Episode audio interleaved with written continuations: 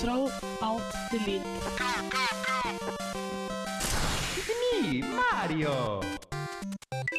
Control alt, delete.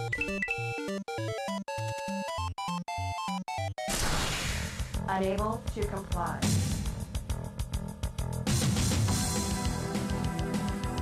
Unit under attack. Auto shutdown. Sequence in progress. Ready to serve, my lord. Chris Manson here.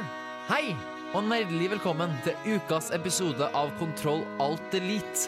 Dere skal selvfølgelig få spillnytt, ukas spørsmål og få høre litt mer om hva vi gjør i virkeligheten litt seinere. Enda seinere skal vi diskutere Coop-spill i andre timen, så sleng deg på. Om ikke det var nok, har jeg fått med meg et fantastisk crew, men før det skal du få Einar Stray Orchestra med Polytricks. Round your neck hung a crucifix. Off your neck goes the crucifix. Um, hello? Hey there, stranger. Ooh, so check me out. Oh dear. Oh, come on, get Target down. acquired. No, no, that's enough. That's enough. I swear, I'll, I'll never do it again. Oh, please, no, no more. Ah, ah! Please don't shoot me. Please don't shoot me. It was an accident. Whew. Oh, come on, let's get down. Come on, everybody. Ow. Ms, ms, ms, come on. Å ja, vi har med oss masse, masse flotte folk i studio her i dag på Kontroll Alt Elite Radio Revolts spillmagasin. Først og fremst så har vi med oss en gjest som ikke jeg har fått sett før. Tor, God dag igjen. hvordan det går? Nei, bare bra. Har du fått spilt mye sist, eller? Ja, jeg har akkurat begynt med studier igjen og vært gjennom enda en fadderperiode, men det er jo alltid tid til litt gaming.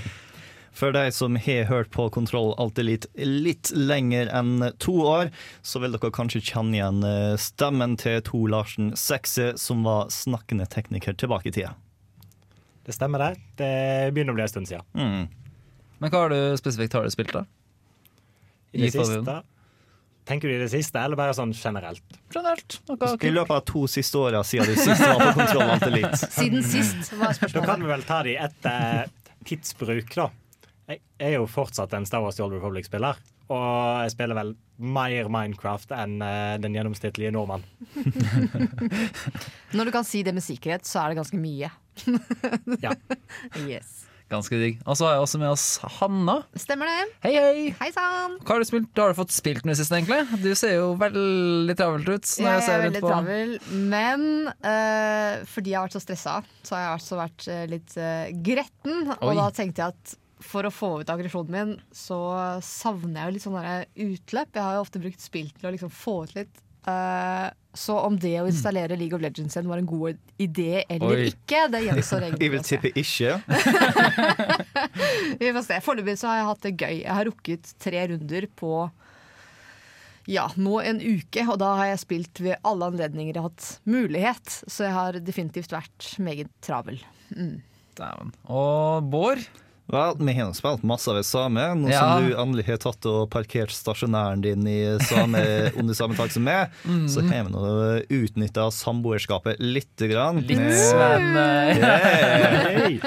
Vi fyrte opp på eh, prosjektoren eh, Uncharted 2, som jeg eh, begynte å spille for evigheta siden jeg aldri fullførte, og som Kristoffer aldri har spilt før. Nei. Og nå skal vi spille gjennom sammen, bytte litt på når ene dør eller noen kapittel er ferdig, så bytter vi på. Jeg, Yeah. jeg føler meg litt som en sånn crappy roomie når eh, jeg var så trøtt, for jeg hadde vært på så mye jobbing tidligere på dagen, og jeg sovna rett og slett etter to timer. Det var kanskje tidenes korteste forsøk på gjennomgangen da, av et spill. Og som vi kommer til å komme tilbake senere i sendinga, så har jeg også spalt en god del Oculus Rift. Mm. Development Kit 2. Veldig kul. Og sjøl så har jeg eh, ikke fått spilt noe særlig mye. eh, rett og slett fordi at eh, jeg har flytta, som sagt. eh, men jeg har iallfall fått spille litt eh, Portal 2. eh, og så har jeg gjort ferdig single player mode. Nå er jeg på å gå sammen multiplayer mode med en kompis. Men igjen, kompisen er også veldig travel. Veldig vanskelig å finne ut om det blir tid til å spille med han nå. Men, men, nå skal du få I Forget Where We Were av Ben Howard. Oh, hey, I wasn't listening. I was watching Syria, blinded by the sunshine strip. Denne uken i Spillnytt. Ja, du fikk nettopp I Forget Where We Were av Nevo Jeg ser ikke. Men, men, du fikk iallfall den, du fikk den låta. Der, vet du! Ben Der var den smoothie-introen. Nå er du voksen gutt og skal Stemmer være programleder, og da tar du og pugger navnet sånn mer enn fem sekunder før det forsvinner på skjermen. Jeg er fortsatt ny, men uansett, det er Lucy og som skal styre med nyhetene, for det har du funnet fram, Tor. Ja, det har jo ikke skjedd så altfor mye, men det er i hvert fall mye som har gått litt skeis den Mm. uka. Det har vært, blant annet vært eh, mye dedosing ute av gang. PlayStation Network har vært nede en tur, Battle.net har vært nede en tur, og League of Legends har vel òg vært nede en tur. Hvorfor? Den ene gangen jeg hadde tid. Ja, de har vært dedosa DDoSa ned alle sammen, og det er visstnok samme gruppe som står bak. Hvorfor? Ja, det er et godt spørsmål. Hvorfor, Chris? Hvorfor tror du noen vil gjøre noe slikt? Oppmerksomhet. Jeg fikk ikke nok klemmer når jeg var liten. Stemmer. Men eh, for de uinnvidde, hva er et DDoS-angrep? Det betyr i utgangspunktet at du egentlig står og gauler til serveren 'Hei, jeg er her, send data til meg'. Til serveren krasjer og ikke takler alle forespørslene lenger. Ja, stress eh, serveren, også. Ja, Du stresser egentlig systemet til det krasjer. Mm. Men den samme gruppa har òg tatt på seg ansvaret for noe annet. Oi, hva? De sendte en bombetrussel til et fly. What? Og om bord på det flyet så satt en av sjefene for eh, Sony Online Entertainment. Oi! Mm, De måtte nødlande. Det er ganske Ja.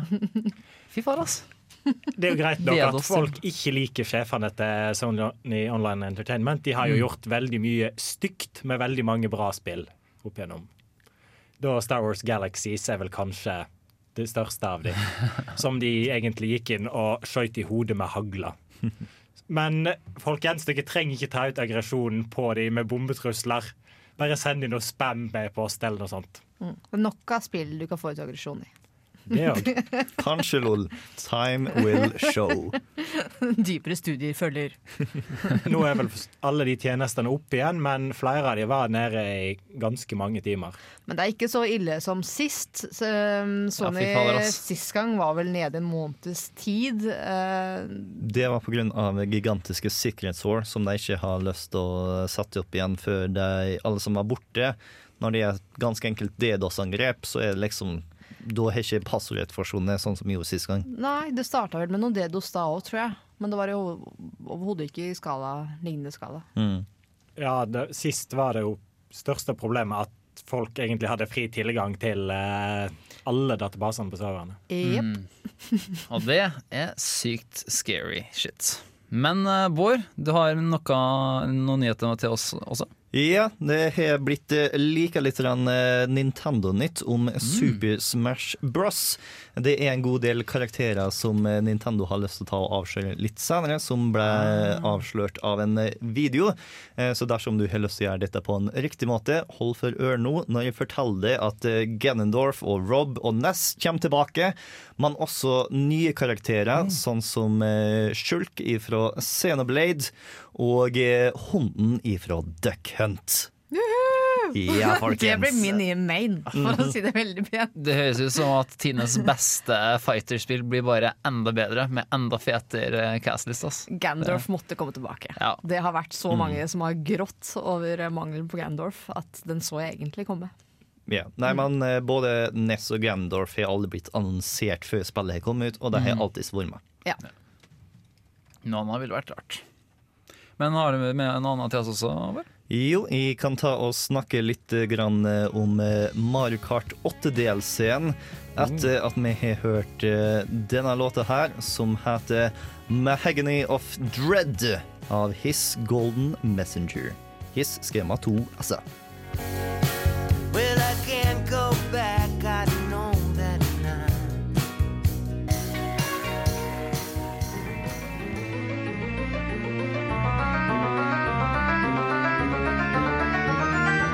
Oi, en Kontroll Alt Elite! Og du fikk akkurat høre Mahogny Dread av Hiss. Golden Messenger. Og vi fortsetter med spillnyheter her på Kontroll Alt Elite, Radio Revolts spillmagasin. Og Bård, du hadde noen flere nyheter til oss fra Nintendo? Yes, eh, For en gangs skyld så skal Nintendo nå ta og prøve seg på DLC, og de ser ut til å ha en eh, ganske godt lagt plan framfor seg. De har tenkt å gi ut eh, to DLC-pakker. Da er ikke det Marina, den eh, Mercedes-DLC-en som kom ut for litt siden. Eh, Den første pakken skal ta og komme i november. Gir det tre nye karakterer, som er Tanuki Mario, Cat Peach og for første gang i Mario Kart sin historie Link. Oi. Ifra The Legend of Zelda, dersom du ikke er kjent med Link ifra før. Det er ganske kult. Og I tillegg til det så er det fire nye fartøy, inkludert eh, et ifra F-Zero. Og åtte nye baner, hvor en av dem skal også være ifra F-Zero. I mai så kommer nok en pakke med nok tre nye karakterer. Det er Villager fra Animal Crossing, Isabel, også fra Animal Crossing, og Dry Bowser. Fire nye fartøy og åtte nye baner. På slutten av når du har fått begge DLC-ene, så har du plutselig 50% mer baner enn det du har til dags dato. Og ennå så har de ikke fiksa battle mode. Nei, ikke med én en eneste bane har de klart å ordne opp, til tross for veldig mange fanklager. Eh, veldig mange, og den baserer jeg på meg selv. Eh, nei da, jeg vet det er mange som er misfornøyd med battle mode, og det overrasker meg faktisk litt at de ikke har gått inn for å ja, i hvert fall fikse noe, da. Ja, nei, jeg skulle overraske meg om de ikke har hørt alle de ropene ennå. Men nå er vel ikke Nintendo de som er mest kjent for å høre på hva folk som klager, faktisk sier. Nei, men da burde man kanskje ta et hint etter hvert. De har vel en tendens til å sitte litt på den der store haugen sine penger og bare se ned på folk. Og bare sette fyr på tusen, tusenlappen de har rulla sammen, og bare Nei. Ja. Det Fordi at en, Nintendo eh, fram til ganske ganske nylig har den eh, filosofien at når et spill har kommet ut, så er det ute. Da eh, rører vi det ikke mer.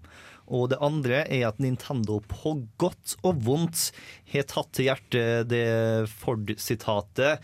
Dersom jeg skulle ta og gi det kundene ville ha, så har jeg gitt dem en raskere hest. Mm.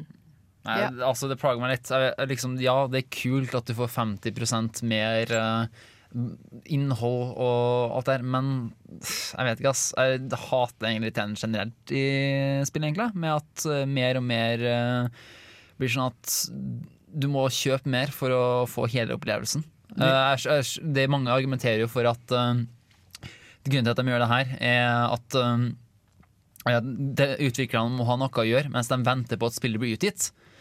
Men det, jeg vet ikke, jeg syns det fortsatt er grunn til bekymring. Ass. Eh, Spesielt når spill også må begynne å reklamere for at de ikke er free to, eller at de er freemium. Og, Vel, jeg er ganske uenig når det kommer til Mario Kart 8. Ja. Fordi at eh, det at det tar et halvt år før første DLC-pakken kommer, og så et halvt år før den andre også kommer, er ganske tydelige tegn på at dette er noe de har gjort i ettertid. Mm. Har dette kommet på dag én?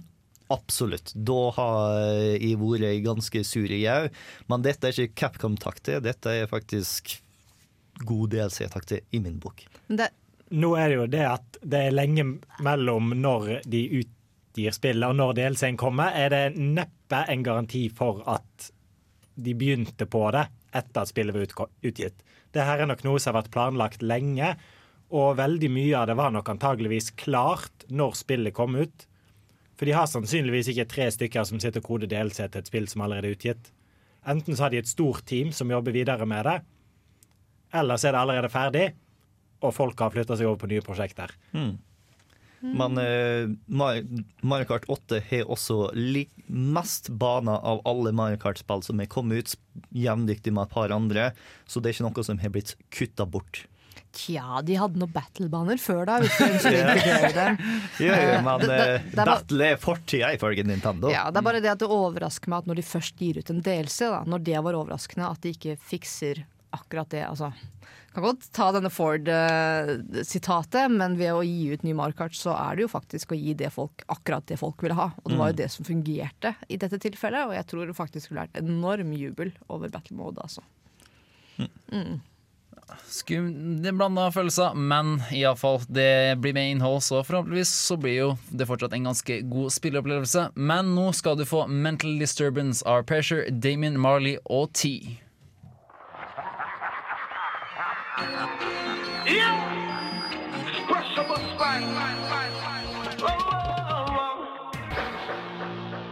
Ja, du fikk Mental Disturbance av Pressure, Damon Marley NT. Og i går så var jeg også på noe som var veldig mentalt forstyrrende ja, for meg.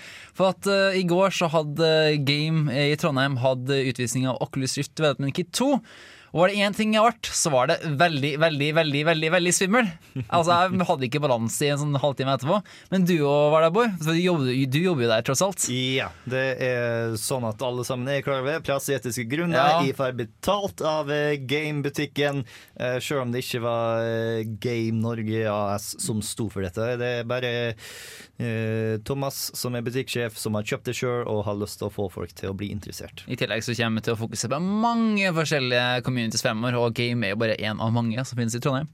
Vi må bare finne den først. Ja. Eh, Og eh, du testa ut en av de mer eh, standard eh, Ja. Du fikk en sånn Helix berg-og-dal-bane Mm. som du prøvde Yeah. stående. Ja, åh, åh, jeg angrer så på det, altså. For at uh, plutselig så går du i en sånn twist eller loop, og så, hva søren, så føler du at kroppen din skal jo egentlig følge med, ikke sant? Men eh, så det er jo egentlig ingen eh, gravitasjonskraft eller svingmomentum eller noen ting som virker på deg. Det er ingenting. Men hodet ditt tenker at det skal gjøre det. Men så gjør det ikke det, og det er så forvirrende. Altså, liksom, jeg, med en gang jeg tok av meg brillene jeg kunne, Seriøst, jeg kunne ikke gå skikkelig i sånn 10-15 minutter etterpå. Og det var helt jævlig, for jeg skulle gjøre masse kameraarbeid. Og ja, det ble bare øh. Om du har lyst å se dette, så har vi faktisk tatt og filma det, som Yeah. vi hinta litt til. Og den videoen blir lagt ut på dusken.no om et par dager. Ja, altså også på YouTube-sida som vi opprettet nylig. På Mhm. youtube.com slash channel slash neideprat, Tror jeg. Korrekt. Ja. ja, bare søk på neideprat, så finner du jo det meste. Mm. Så det blir Nei, swell. Ja. Nei, jeg har prøvd eh, en god del berg-og-dal-baner før, så jeg har lyst til å prøve noe jeg ikke har prøvd før. Mm. Og det jeg bestemte meg for da, var Half-Life 2. Oh, Jeg- Du har prøvd Half-Life 2 før, har du ikke? Ja, jeg, jeg har Ah. spilt eh, Half-Life 2 sånn fire-fem ganger før. Og jeg har aldri sett City 17 før, før jeg spilte med Oculus Rift. Jeg spilte fra starten, og sånn helt, helt fra starten var veldig weird. Det var ikke en opplevelse designet for Oculus Rift, når du har G-Man rett i trynet på det med massevis av psykedelisk stuff. Det var bare Kjapp uh, tilskuddsinformasjon for dere som er usikre. Half-Life 2 er et av eh, de største førstepersonsskytespillene som noensinne jeg tror har blitt gitt ut. Mm. Utvikla av Valve og er veldig populær pga. både mekanikkene som ble innført, og også for sin veldig, veldig, veldig interessante historie. Ja, og eh, jeg gikk rundt i City 17 i sånn ti minutter. Og det føltes veldig som om jeg har kommet på filmsettet til Half-Life 2. Akkurat som jeg forestiller meg hvis jeg har kommet på filmsettet til Star Wars, så er en sånn hælhemma ting som skal se veldig stort og magnificent ut eh, for kameraet. Sånn Å ja, alt det er papp! Fordi at det var massevis som skulle se ut som 3D. Som når du ser på det, sånn, Alt dette er flatt, det er ikke noe wow. OK. Men samtidig så er det så mange detaljer som du har bare gått rett forbi og aldri sett. Som når du er der nå, så kan du ikke la være å gjøre noe annet enn å se på det.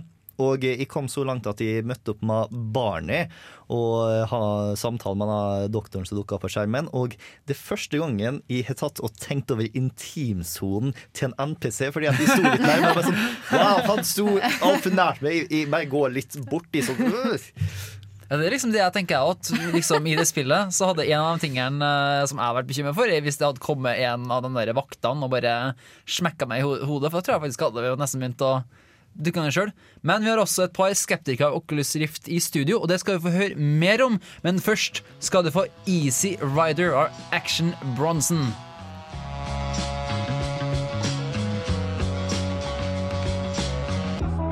Ride the Harley into the sunset. Ride the Harley into the sunset. Ride the Harley into the sunset. Ride the Harley into the sunset.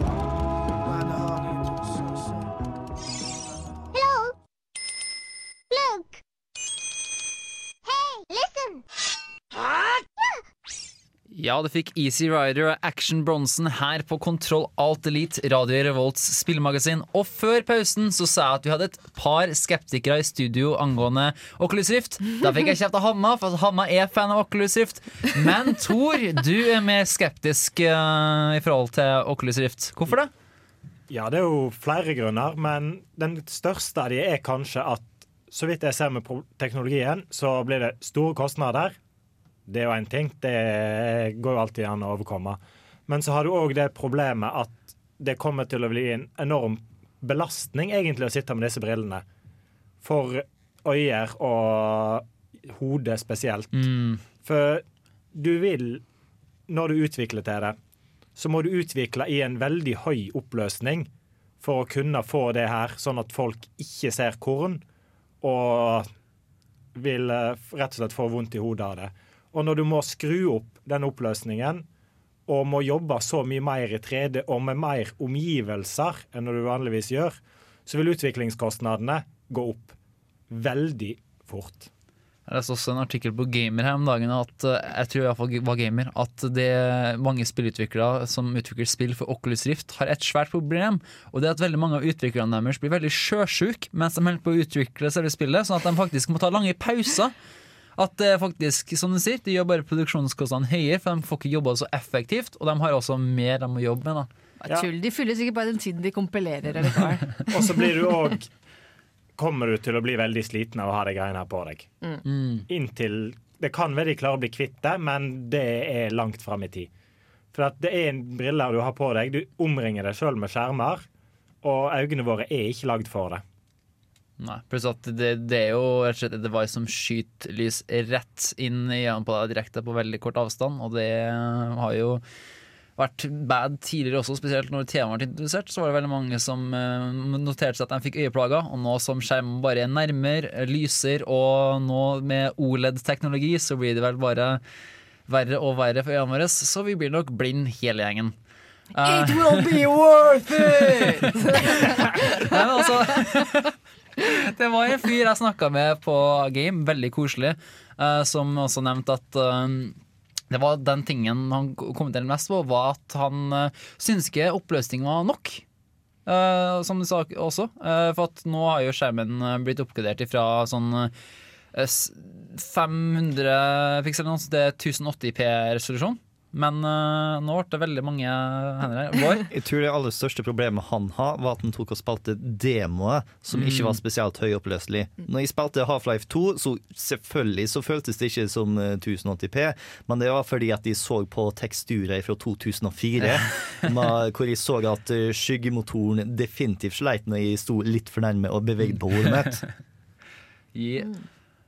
Ja, nei, men det, akkurat det er jo òg noe som kommer til å bli merka når du skal begynne å utvikle rent for Oculus Rift. For da blir det Plutselig så må du bruke veldig mye mer tid på textures som du ikke ville brukt og laget i det hele tatt når du utvikler vanlig. Fordi at du må plutselig tenke mer på hva som er rundt, og ikke bare den kanalen du skal sende folk gjennom. For at folk vil bruke mer tid på å se på teksturene. Meg? Ja. Du, du står og peker sånn halvveis på bordet. Nei da, jeg, tror uh, det her vil bli en god greie med etter hvert som man kanskje går bort fra teksturer, og det ligger veldig langt fram i tid. Man snakker jo om uh, polygon-grafikk, altså at man bruker punkter som er tett pakket sammen istedenfor overflater når man designer spill. Jeg tror det vil gå godt hånd i hånd, men sånn som du sier, så er ikke det akkurat rett rundt hjørnet. Nei, Det kommer mange utfordringer, men det blir spennende å se hvordan spillutviklere vil takle det her. Men nå skal du få Streets av Torgeir Valdemar.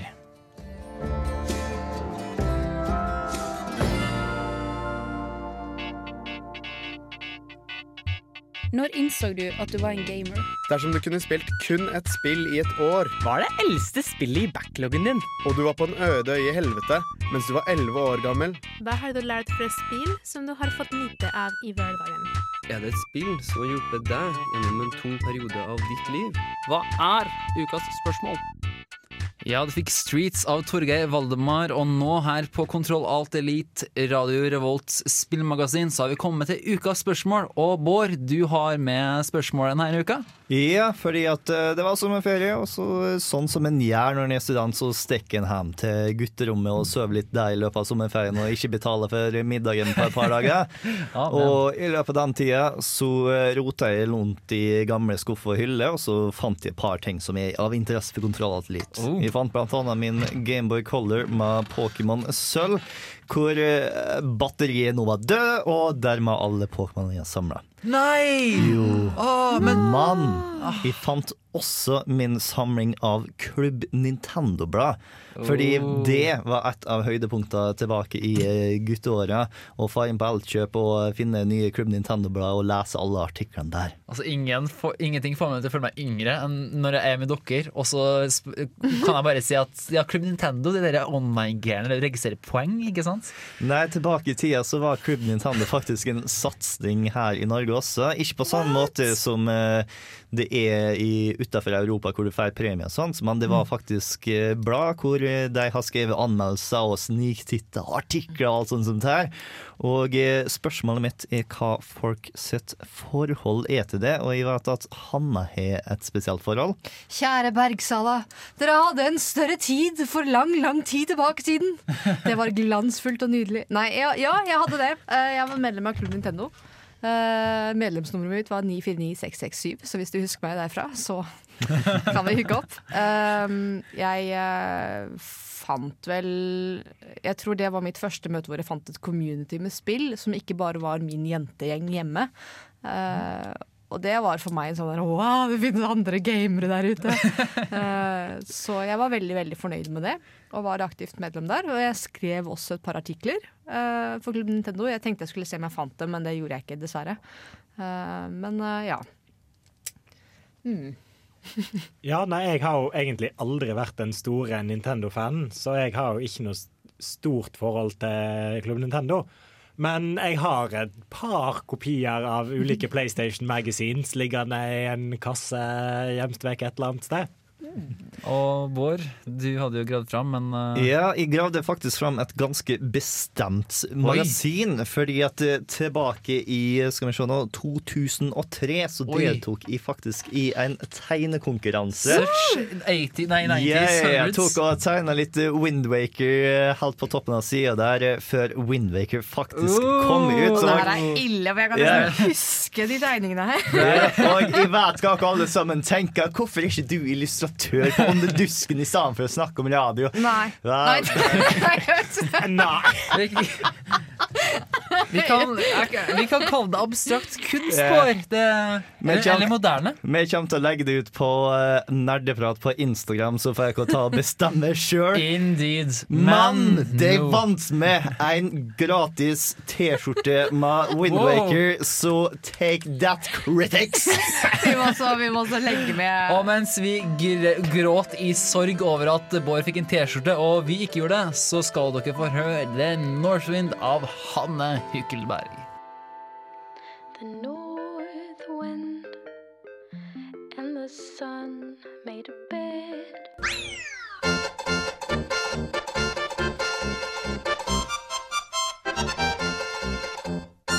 Du fikk The Northwind av Hanne Hykkelberg, men nå har vi kommet til slutten av sendinga. Men neste uke så skal Jens Erik eh, være programleder, og da skal han annet snakke om mobilspill. Men i, senere i sendinga her, hvis du hører på podkast, så eh, får du også høre om eh, Coop-spill. Eh, Men hvis du hører på radio, så må du vente til i morgen. Da legger det ut.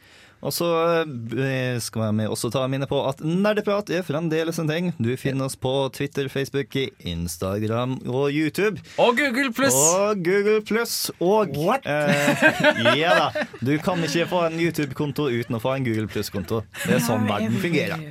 Eh, Men eh, som jeg utlyste forrige uke, så har jeg kjempelyst på mange venner på Facebook. Så hvis vi kommer oss opp i 350 likes på Facebook innen slutten av september, så kommer jeg til å gi bort et spill fra Steam. Jeg har litt hvert der. Jeg har Bully System Shock 2 Brothers. Jeg har Masse rart som jeg ikke har spilt The Novelist. Jeg tror er inventoryet mitt også. Så ta og like oss på Facebook. Få vennene dine til å like oss på Facebook. Og vi kommer oss opp i 350, og så er det noen som blir litt mer en ting som Erik spør om, at vi utlyste en sosial konkurranse om at vi skulle finne ut hvordan du så ut, Bård. Og rett etter sendinga så posta vi et bilde av studio med deg. men, men vi prøver nå å finne oss fram på de sosiale medier og, og klare å ta over dem. Men nå er det dessverre slutt på sendinga, og du skal få Need the Air of Thulsa Doom.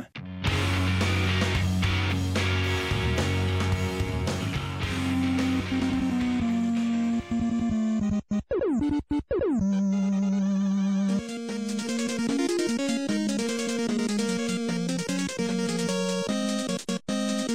og da er det på tide med time to. Vi har blitt støffa inn i et litt mindre rom, så hvis du er sånn audiofil og tenker at «Hø, nå er akustikken annerledes, vel, det er fordi at vi er i et annet rom. Og i et annet rom så har vi også fått med oss en ekstra gjest. Roald, velkommen. Hallo! Hvordan det går siden sist? Et, oh, siden sist begynner å bli så lenge siden. Det, jeg har det fint og bra i livet mitt. Uh, ja. Har du fått spilt noe, eller?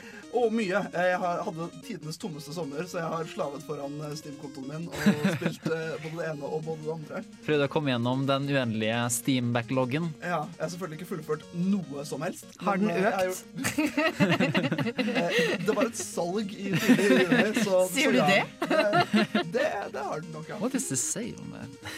Nei, men i time to så skal vi ta for oss et tema. Som vanlig i eh, denne sendinga så skal vi ta for oss coop, eller cooperative play, også kjent som samarbeid på norsk. For det her er en feature som noen spill liker å inkludere, og da er det vanligvis sånn at du er to eller flere spillere som jobber sammen i spillet for å nå et felles mål, som vanligvis er å vinne spillet.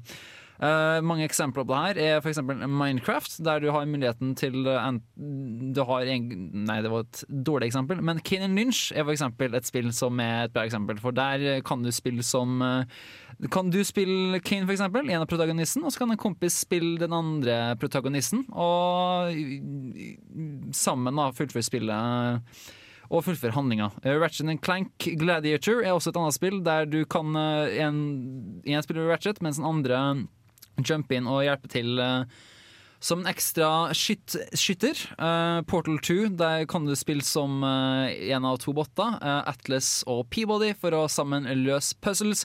Og mange, mange, mange andre ting og kreative måter som uh, spillutviklere bruker samhandling på, da. Men da lurer jeg på hva dere synes om samarbeid eller coop i spillstudio?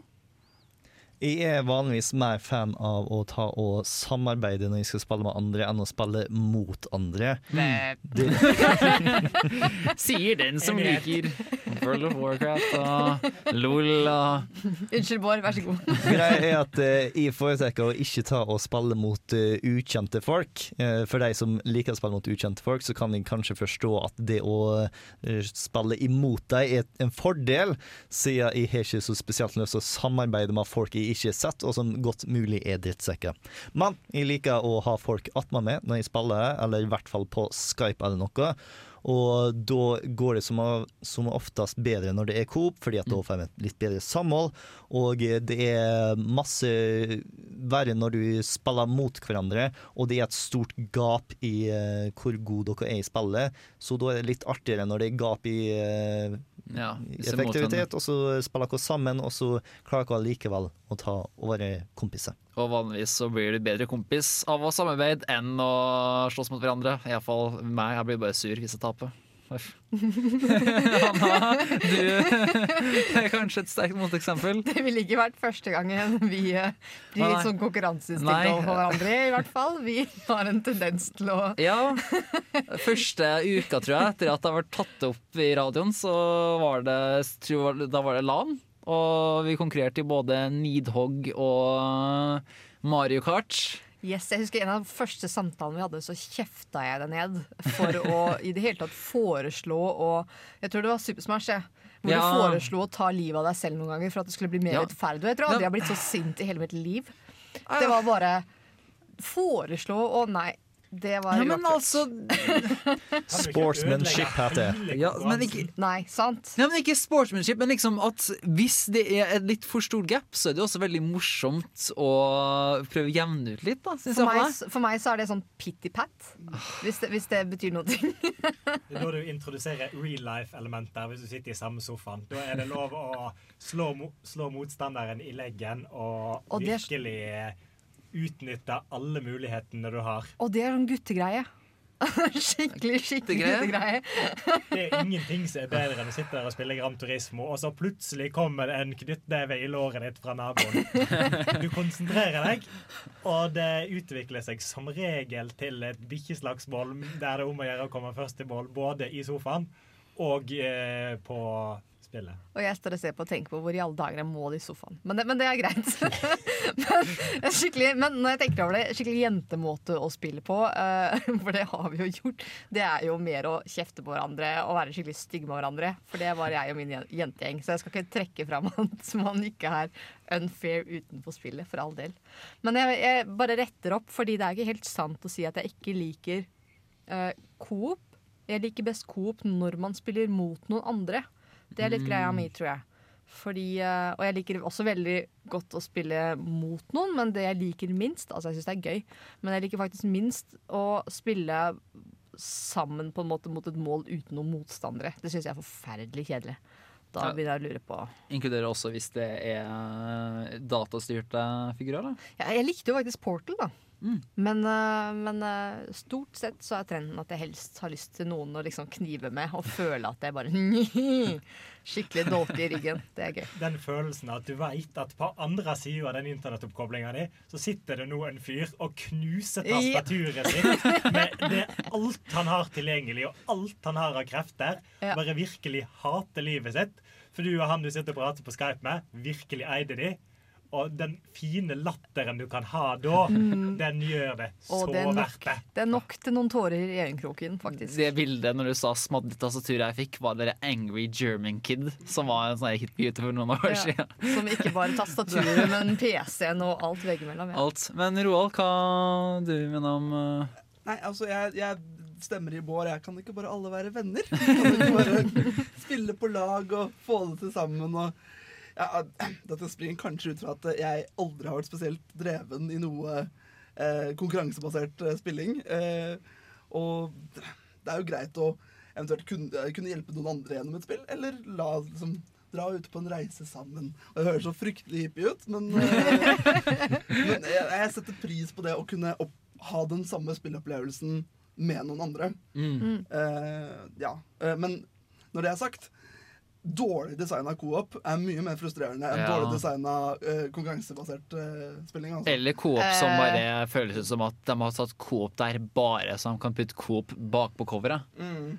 Det blir fort Jeg tror det er to veldig forskjellige frustrasjoner. Det er ikke gøy med dårlig designa co-op sammen mot hverandre heller, altså. Hvis det, det, det som er enda verre enn å tape under fair game, det er å tape under ikke fair game. Det er helt forferdelig. Hvis noe går galt client side, så er det ikke grenser for Og du kan aldri skylde på det, for skylder du på det, så er du lavmål. Da er du bare Sorry. Ingen respekt i hele verden. Så uansett hvor dritt det går for deg online, så kan du aldri si det. Ja, det er det verste i verden. Du sitter der og veit det her har jeg Det her er min kamp. Og så bare Leg spike! Ja. Sitter du der og skjeller ut både internettleverandør og ruter Ja. og alt annet som har beveget seg i bygget. Gjerne kanskje han som skrudde på mikroen, bare for å være sikker. Ja. Men allikevel, du kan ikke gjøre det utenfor ditt eget rom. Nei. For da er du plutselig han douchen som skylder på alt annet når du spiller. Spillet vekker følelser, dere. Dette. Men eh, han har snakka nå ganske masse om at eh, Coop ikke er det høyeste, men jeg vet at en av hennes favorittspilløyeblikk involverer Coop, hvor du ikke spiller imot en eh, datamaskinfiende til og med. Dette spillet er selvfølgelig Journey, hvor du tar og støter på en fremmed person Ja. som kan bare ta og gå ifra det, eller kanskje vise deg noen hemmelighet, eller følge det på veien, men det er ikke stort masse hva kan gjøre, hva ikke kan drepe noen, eller gjøre noe spesifikt sammen forbi det å ha en felles reise. Nå må du ta meg på så spesifikke eksempler. Ja, Mhm. Men ja, du har et godt poeng.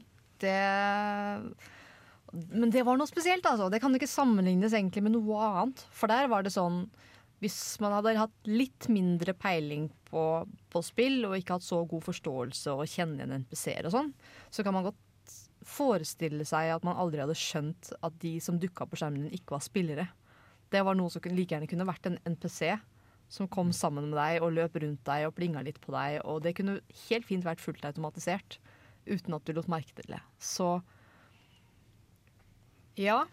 Og vil ikke si meg så kjempeenig der, med tanke på at eh, NPC-er er ganske rett fram og gjerne er designa til å spesifikt hjelp i det. Jo, men du må kunne litt om spill for å skjønne det. Jeg tror at de som ikke kan så mye om spill og skjønner logikken bak NPC-bestandig, kan fint ikke se forskjellen, tror jeg. Nei, men du legger ganske godt merke til personligheten til spilleren når du Mm. tar og spiller Journey, i motsetning til personligheten til en god del NPC-er. Mm, det er sant. Jeg ser ikke hvordan eh, det på en måte blir et argument mot uh, Journey sin si, validitet som en co-op-opplevelse. Nei, nei, Fordi nei. Det er bare veldig veldig co-op. Nå har ikke jeg personlig spilt Journey, men jeg har hørt, hørt disse historiene. Og det, det at det kan, at det flyter så jevnt med rent uh, singleplayer, da, er det er jo vakkert på, på mange måter. Å ja, det er helt fantastisk. Og jeg sa ikke mot at det ikke var bra ja, Altså at det ikke var eh, valid som Valid, du kan ikke si det på norsk, kan du? Valid. Det er ikke, det, at det ikke er en, en godkjent form for coop, at det ikke regnes som coop. For det er det absolutt. Men jeg føler ikke nødvendigvis at det er representativt for men det kanskje- at jeg det ikke er glad i det. coop. Kanskje det burde være det. Det er et godt poeng. Sjøl så er jeg en eh, ganske stor fan av Coop, for at veldig ofte, så, som eh, jeg tror Roald du sa, det er veldig morsomt å få delt spilleopplevelser med folk. Men en ting som inviter, ikke inviterer meg til vanvidd, men som irriterer meg til vanvidd, er merking av Coop. For at eh, for et par år siden så tenkte jeg at ok, nå har jeg og kompisen min studert som faen til eksamen, og vi, har, vi, vi krysser fingrene for at det gikk bra. Så gikk jeg på butikken, og så fant jeg eh, at jeg tror det var Dead Island. Og på baksiden så står det ah, det- er Coop der. Eh, Og så gikk vi hjem, og så satte vi på. Men nei, det var online Coop. Og mm. Og det som jeg syns er kjipt generelt, er at ja, merking er dårlig, men også mengden local co-op-spill blir bare mindre og mindre. Hvorfor det?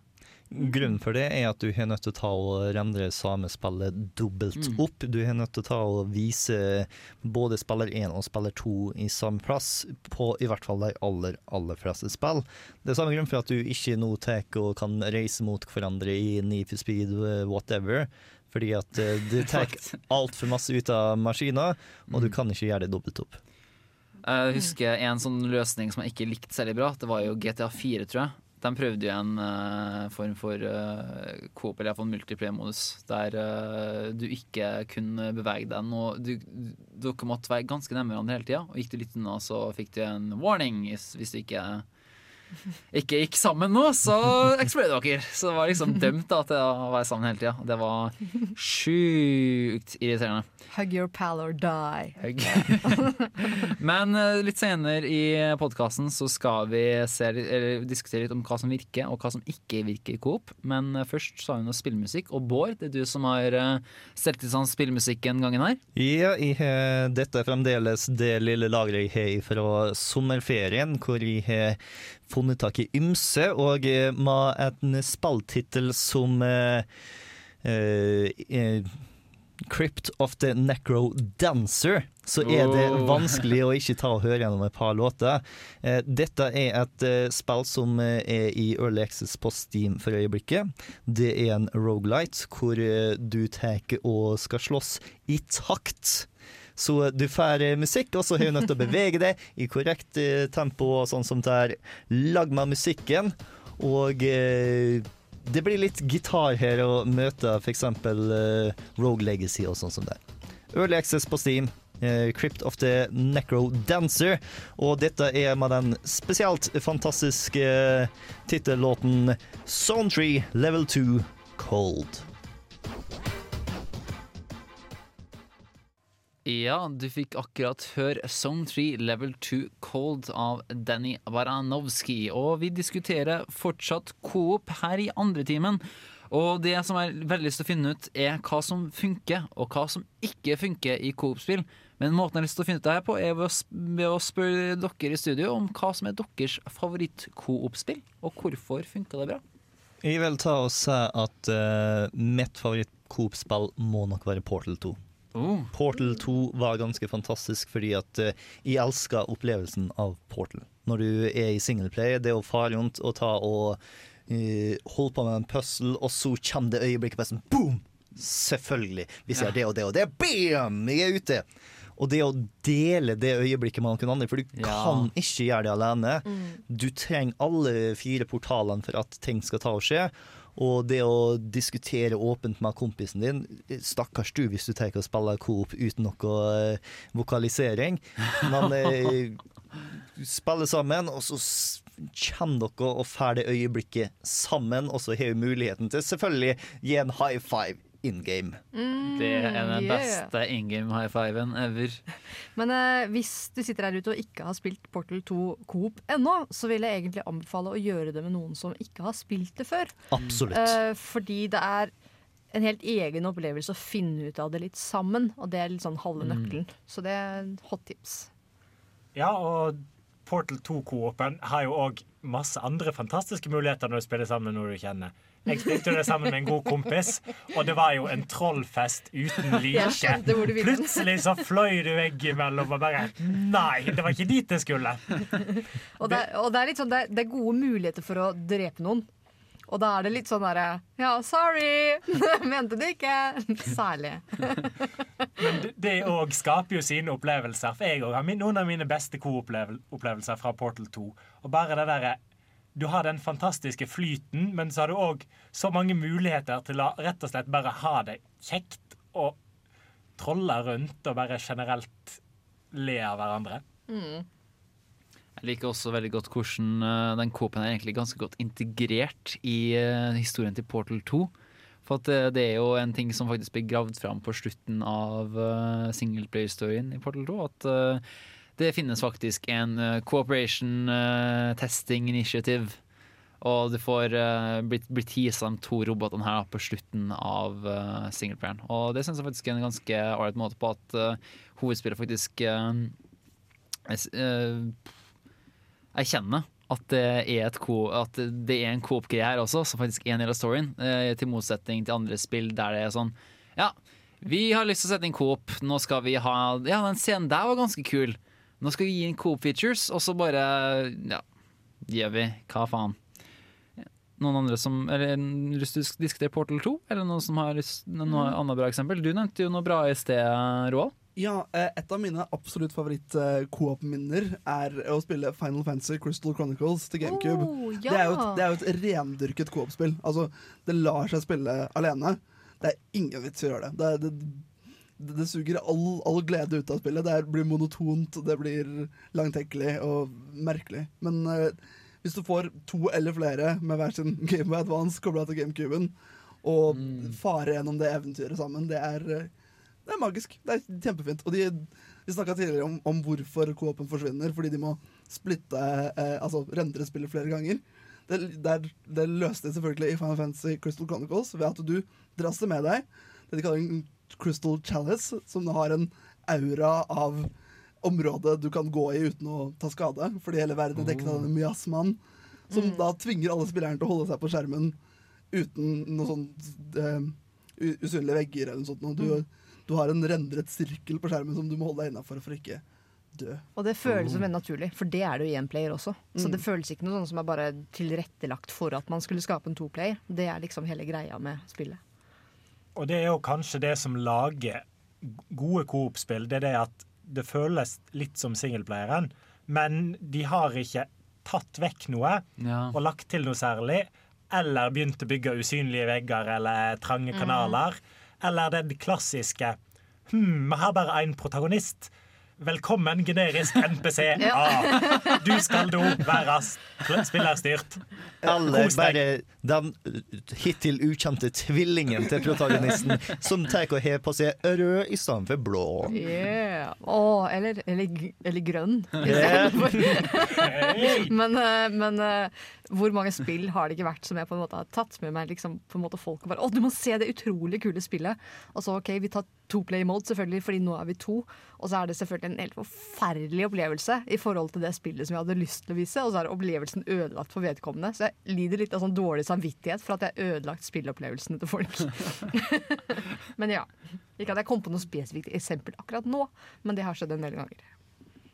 Eh, Noe jeg lar meg fascinere av, er eh, asynkron, eller ikke asynkron, men eh, asymmetrisk eh, coop. Mm. Eh, det første gang jeg støtte på, mener å huske å støtte på det, var i eh, Windwaker.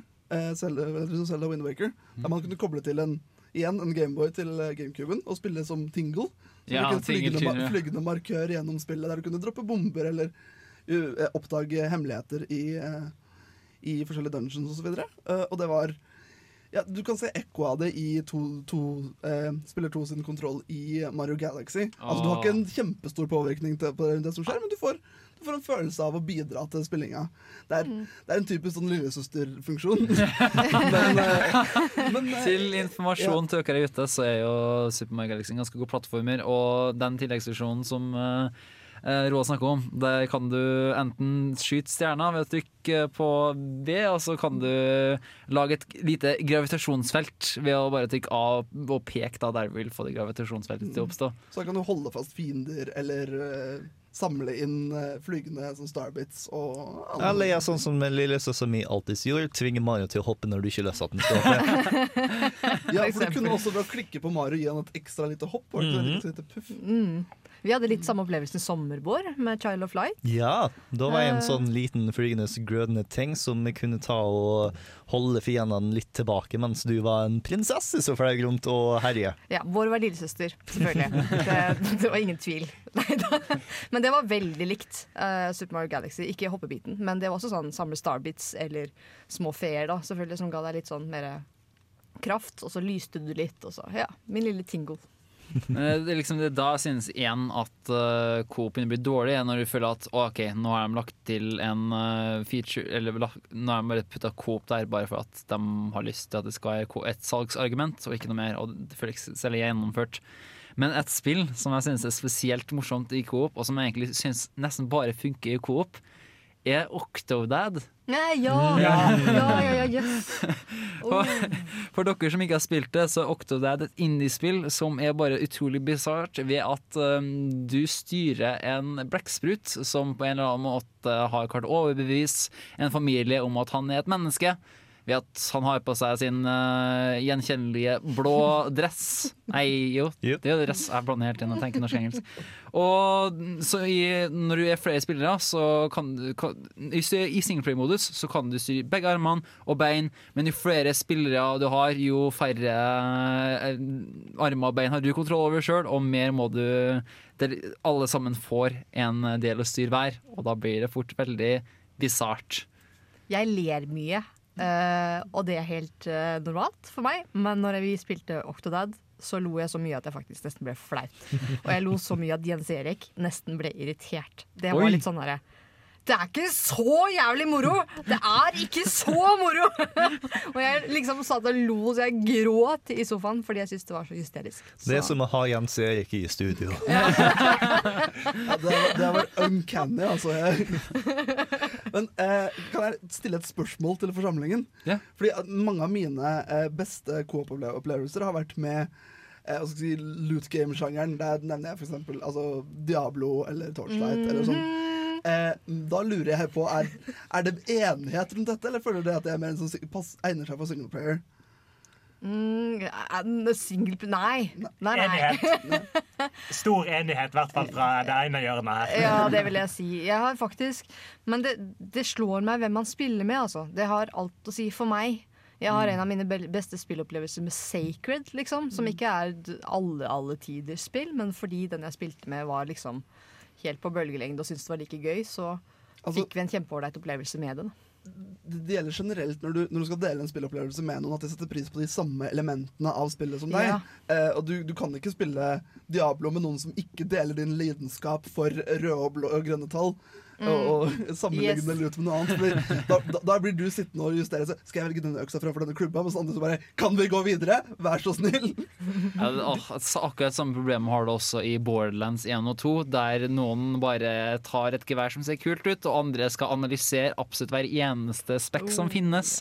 Og det kan ofte ta lang tid, og da blir det fort drøyt og surmuling og Du har også et tredje problem hvor du er- spiller Borderlands for første gang og har lyst til å få med vitsene, Ja. og kompisen din har spilt sånn tre ganger, sånn fuck det, jeg drar hit og kjører skyter alt, og så gjeng du gjennom en ødemark med daue folk fordi at du ville få med den ene vitsen til Og så får du verken uh, XP eller lut, som eh, jo er problemet i de spillene der.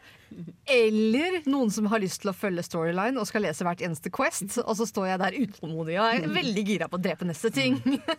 Altså den, den, den sjukt kranglinga om hvis du avslutter Hvis du bare vet at samtalen nesten er over, men du likevel våger å starte med neste samtale før personen får snakke ferdig, slik at resten av lydfylla ikke får spilt seg av, da blir det krig. Um, Jo, vi skal, gå, vi skal snakke litt mer om Coop, men først skal du få en ny spillåt, Bård. Du Eh, har mer til oss? Ja, det har jeg. Denne gangen her så er det noe som er litt aktuelt for tida, nemlig Metro. Metro Redux eh, kom ut eh, nå for et par dager siden. HD-versjon av eh, Metro Last Light og Metro 2033. Og dette er en låt fra 2033 som heter Don't Forget. Som aldri dukka opp i spillet, men allikevel er på soundtracket deres. Ja, det var Don't Forget av Ancesteria, og du hører på andretimen her på Kontroll Alt Delete, og vi snakker om Coop. Og Bård, det er en spesiell element ved Coop som du har lyst til å snakke om. Ja, det er en trend som blander litt av begge deler, som vi gjør Hanna glad, og som gjør meg glad. Nemlig en ting som eh, kalles 1v4, eller 1 versus 4. Eh, Det mest kjente eksempelet på dette er kanskje Evolve, som nylig ble pusha til 2015. Hvor du har fire stykk som tar og spiller som monsterjegere. Gjerne med forskjellige typer klasser som eh, medic og trapper og what do you want. Og så er det én som spiller som monstre. Eh, Så da er det denne ene personen mot disse fire personene, og i Evolve så er det sånn at monstre starter svakt og lite, og så etter hvert så blir det større og større. Så eh, jegerne blir etter hvert bytte. Du har også en god del andre spill som er på vei, som eh, bruker den samme modellen. Du har Fable Legends, hvor det er fire eventyrere som skal fare rundt i dungeons. Og så har du den femte personen som basically er dungeon master. Ikke så altfor ulikt ja. Zombie Master, King of the Zombies fra Zombie U. Eh, og Bioshock eh, Nei, Bioshock, sier. BioWare, nei, nei. Annonserte nå på Gamescom sitt neste spill, som også er 1 versus 4. Som er et eh, PC-only-spill, som er eh, veldig likt eh, klassisk pen and paper, sånn som BioWare prøvde å være tilbake i tiden. Hvor du har fire stykk som er ganske typisk eventyrere, og så har du en femte som både er dungeon master, og som har muligheten til å ta skikkelsen som et monster. Jeg har sett litt på det, og det virker veldig lovende. Det virker som BioWare virkelig har lagt fokusen kanskje mer i mekanikkene enn i historien, for en gangs skyld. Og du vet jo at BioWare klarer det, men de har en tendens til å ta på seg storyhatten sin, og så glemme at alle de andre hattene fins. Ja, fordi at de har sagt at i dette spillet så skal du få alt du forventer av et eh, BioWare-spill. Og selvfølgelig, det første jeg forventer fra et BioWare-spill, er ikke tall eller karakterer. eller noe sånt. Nei, nei. Det er selvfølgelig eh, romantic plot her nå. Hvis ikke jeg kan romance noen, gode gud, hvordan kan du kalle dette et BioWare-spill? BioWare har jo veldig den klassiske fokusen på historien. Det er jo sånn en av de selvsagte tingene i verden at BioWare-spill har god historie. Det er det ingen som bekymrer seg på. Men vanligvis så pleier de òg å snakke om storyen sin først. Så langt her så har de snakka mer om mekanikk og oppbyggingen av klasser og sånne ting. Det er jo egentlig det de har prata om. Og det lover veldig bra for den typen spill, når det er mekanikkene og det de begynner å snakke om. Mm. Det lille de har sagt om historien, er at eh, dette er basically vår verden, hvor du har en god del folk som oppdager at de har evner, og så får de inn i dimensjoner til andre planeter og bla, bla, bla, bla. bla. Og at eh, historien skal fungere som på et episodisk format, som en TV-serie. Noe som blir litt nødvendig når det er fem personer som skal ta og spille samtidig, og da kan dere ikke ta og spille så langt i strekk. Da passer det seg heller fint at nå setter dere meg ned og spiller i en time, og så er vi ferdig med en historie. Og så, hvis vi har tid, så spiller vi en episode til, eller så venter vi til neste gang, altså en har tid. Jeg har lyst til å bare ta litt tilbake til eh, Evolve. For jeg er ganske spent på. For at eh, jeg synes det er dødskult at eh, det faktisk er et spill eh, som er litt coop, men som også har muligheten til at du kan være, være the troll som har lyst til alt, og det faktisk er lagt opp til at det er skikkelig mulighet for trollet i spillet. Og det har aldri mm, virkelig vært borti før. Men det er én ting som bekymrer Eller har du kommentarer? Nei. Um, det er en ting som bekymrer litt, da, med at det er veldig mange som kan være med, og det er jo at du er veldig avhengig av at ting skal gå bra. At du ikke får høy ping, og at uh, alle sammen har tid, og ja, Ingen din, ja. Ja, ikke, ikke. Ja, Spesielt som student, da, ikke sant? Og så har du jo òg det klassiske i alle former for multiplayer. Han der er tiåringen som tror han har IQ på 135, som egentlig ligger godt under gjennomsnittet, og driver løpende vegger og bare tar generelt gode beslutninger. Ja, eller den som bare ikke får det som han vil. Og så bare, å, nå skal jeg ødelegge for alle andre. Det er ingenting dere kan gjøre noe med det.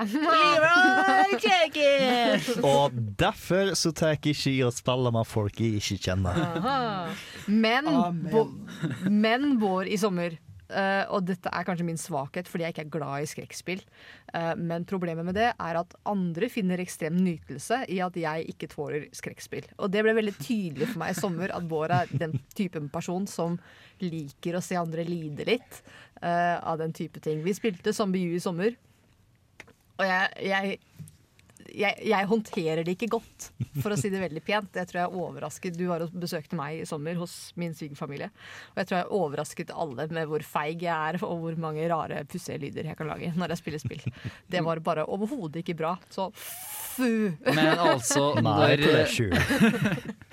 Men når eh, verdens mest populære YouTuber ble berømt av å filme seg sjøl bli skremt, så skjønner jeg veldig godt at Bård også drar uh, moro ut av å se deg skremt, Hanna. Denne er til Jens Erik. Jeg må nesten spørre, har du, har du videobevis på at dette skjedde? For dette skulle jeg gjerne sett. Videobevis på hva? På, At på at du- du ja. skrek som en Nei takk jente. gud, nei.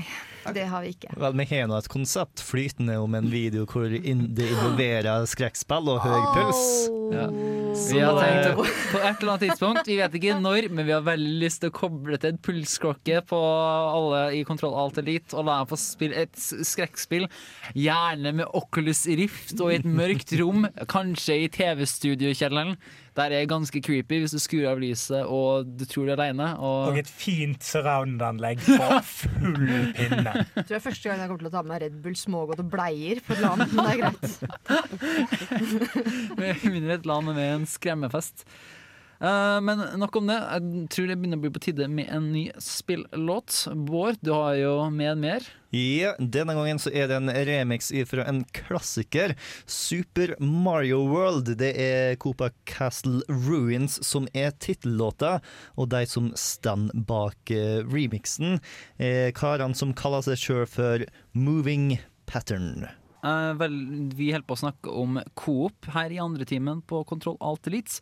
Men vi har fokusert veldig mye på um, at noen ganger så føles Coop halvferdig ut. Men nå har jeg lyst til å snu spørsmålet litt og fokusere på at når Coop-en er gjennomført, hvordan er da singleplayeren? Og Bård, du har et par erfaringer med det her. Ja, eh, det er et spill Et av de aller første spillene jeg var borti som fokuserte skikkelig på elementet coop, var Resident Evil 5. Det første spillet jeg eh, fikk på 360 min. Jeg fikk faktisk en fin liten bundle. Og eh, der så var jeg sånn at de aller fleste folka hata skiva.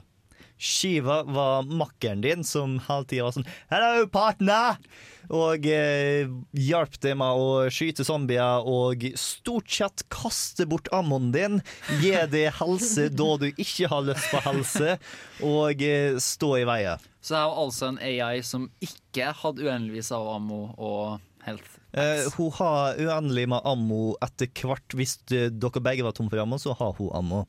Uh, noe, det var noe som eh, faktisk jeg ut, prøvde å utnytte i siste bossen. Så det var egentlig en AI som var programmert sånn at de brukte opp alle ressursene di- dine, og så fikk sine egne ressurser. Så bare kunne de virkelig gni det inn at ha-ha, jeg har uendelig ammo, men jeg liker ammoen din bedre enn min egen.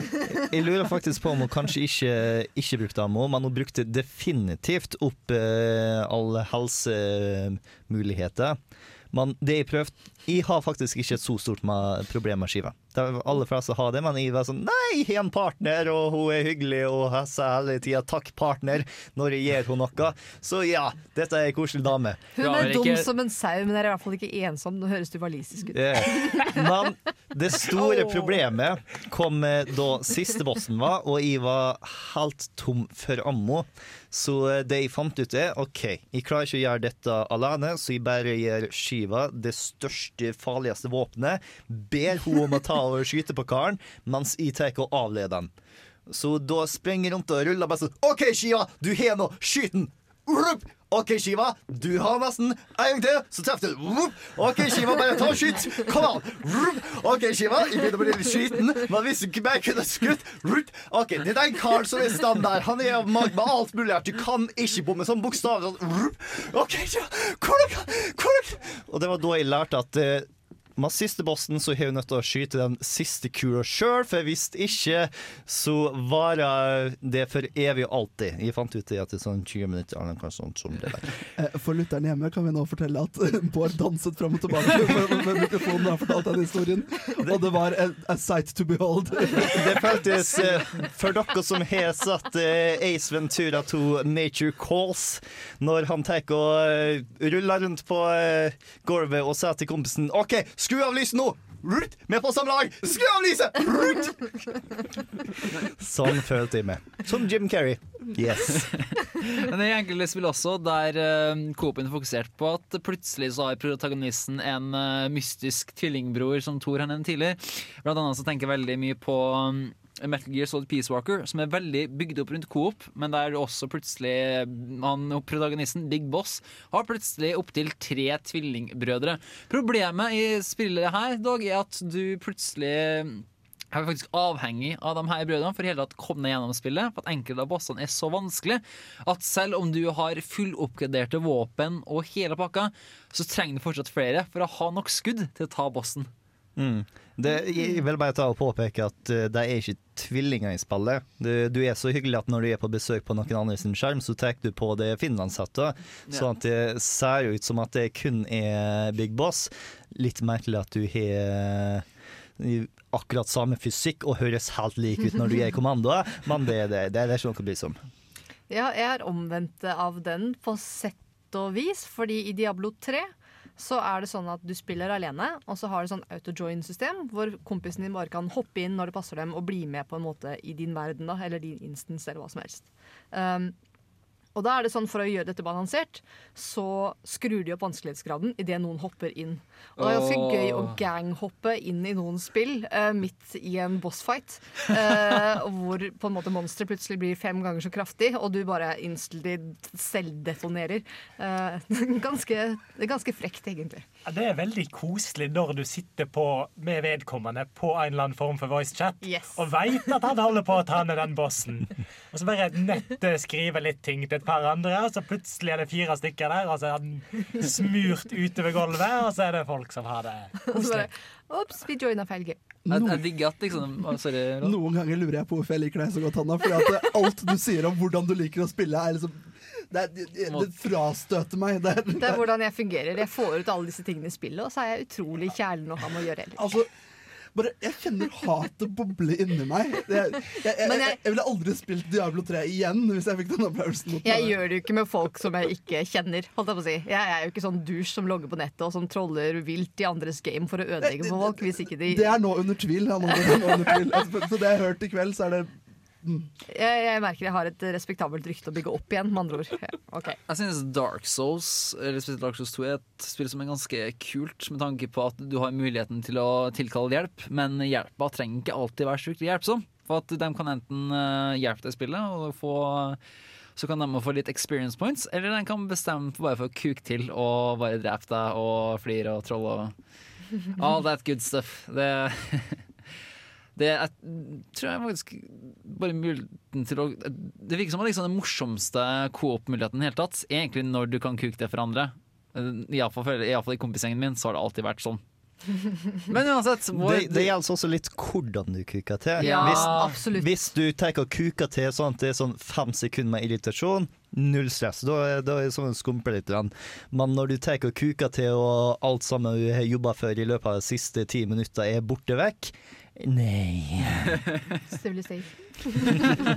Og så har du òg den Ja, hvis du hopper inn i gamet til noen eller et eller annet og bare skikkelig kuker det til, og så er det den at OK, nå har jeg ledd av deg i fem minutter.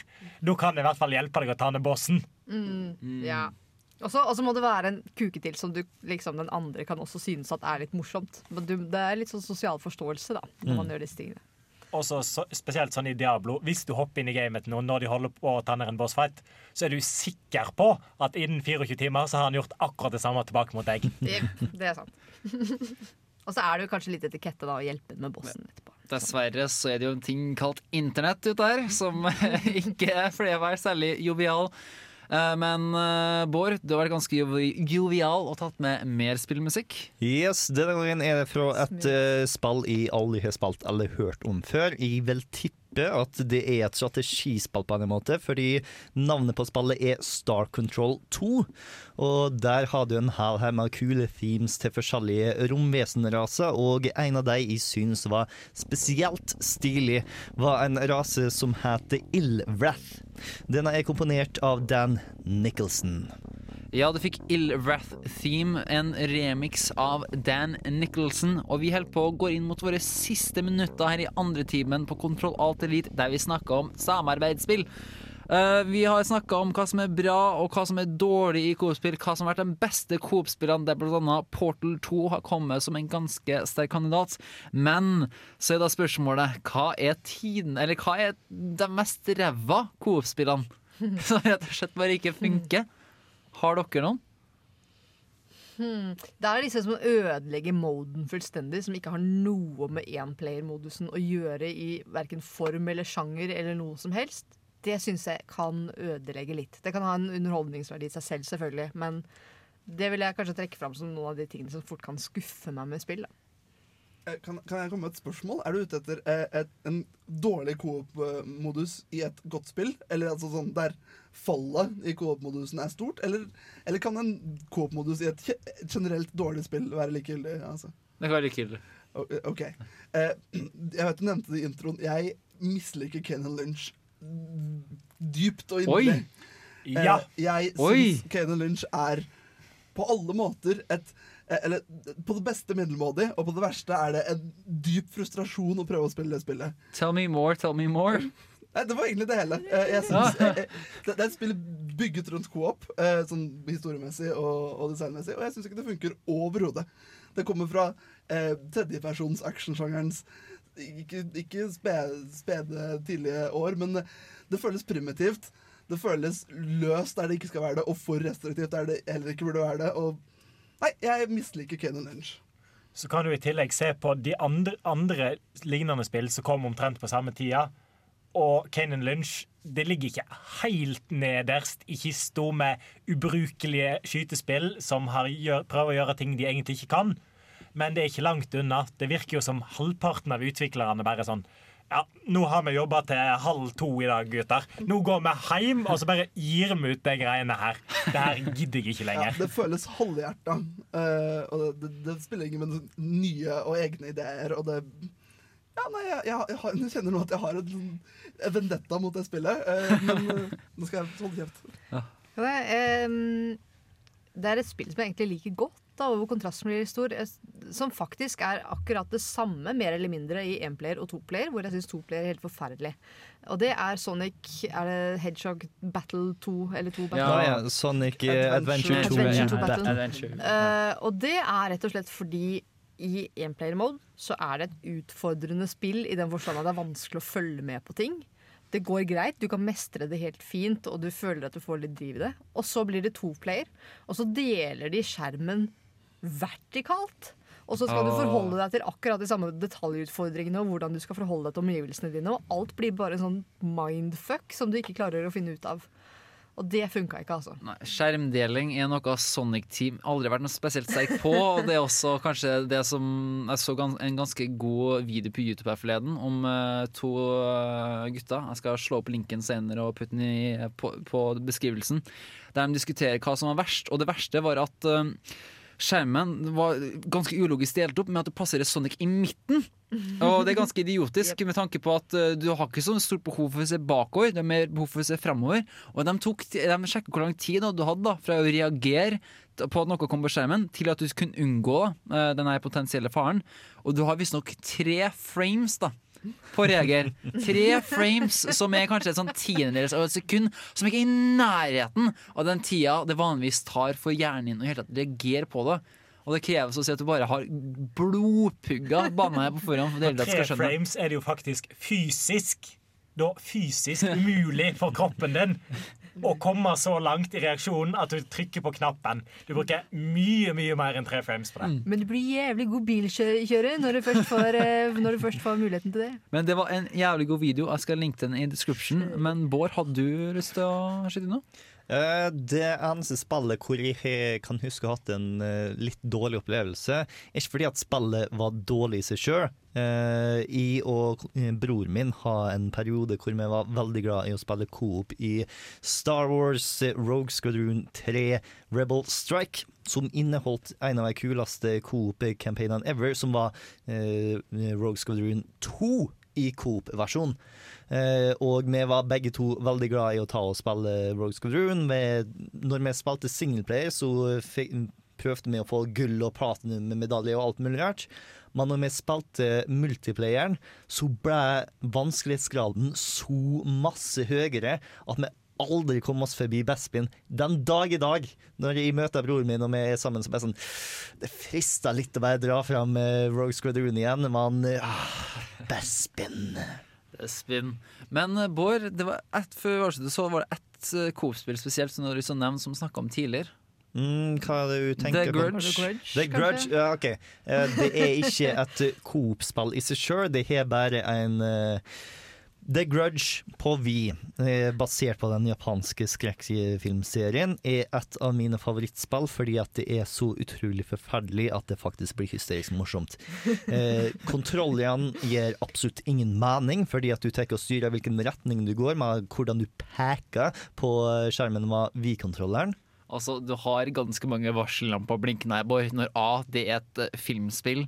B, det er produsert til vi av en tredjepartsutvikler. Og ja, men jo. Jo, men eh, det er også eh, Det er pur basert på sånn eh, monster i skapet-øyeblikk. Mm. hvor, eller katt i skapet, hvor du bare sånn Åh! Åh! Kommer skarpe lyder. Det, det, det blir faktisk et genuint skummelt spill, fordi at jeg er flink på å passere plassere de riktige øyeblikkene. Men det blir aldri like skummelt som når du tar og spiller med en annen person. Fordi at forskjellen er minimal teknisk sett. Énplayeren spiller akkurat like måte som en spiller når en énplayer uansett. Toplayeren har kun én knapp å trykke på, men det er en av de verste knappene jeg har vært borti i hele spillhistorien. Når toplayeren trykker på A-knappen på sin kontroll, så skjer det noe skummelt. Det er sånn 20-30 forskjellige animasjoner som bare skjer på skjermen med en gang, med en høy lyd, som skremmer livskiten ut av player 1.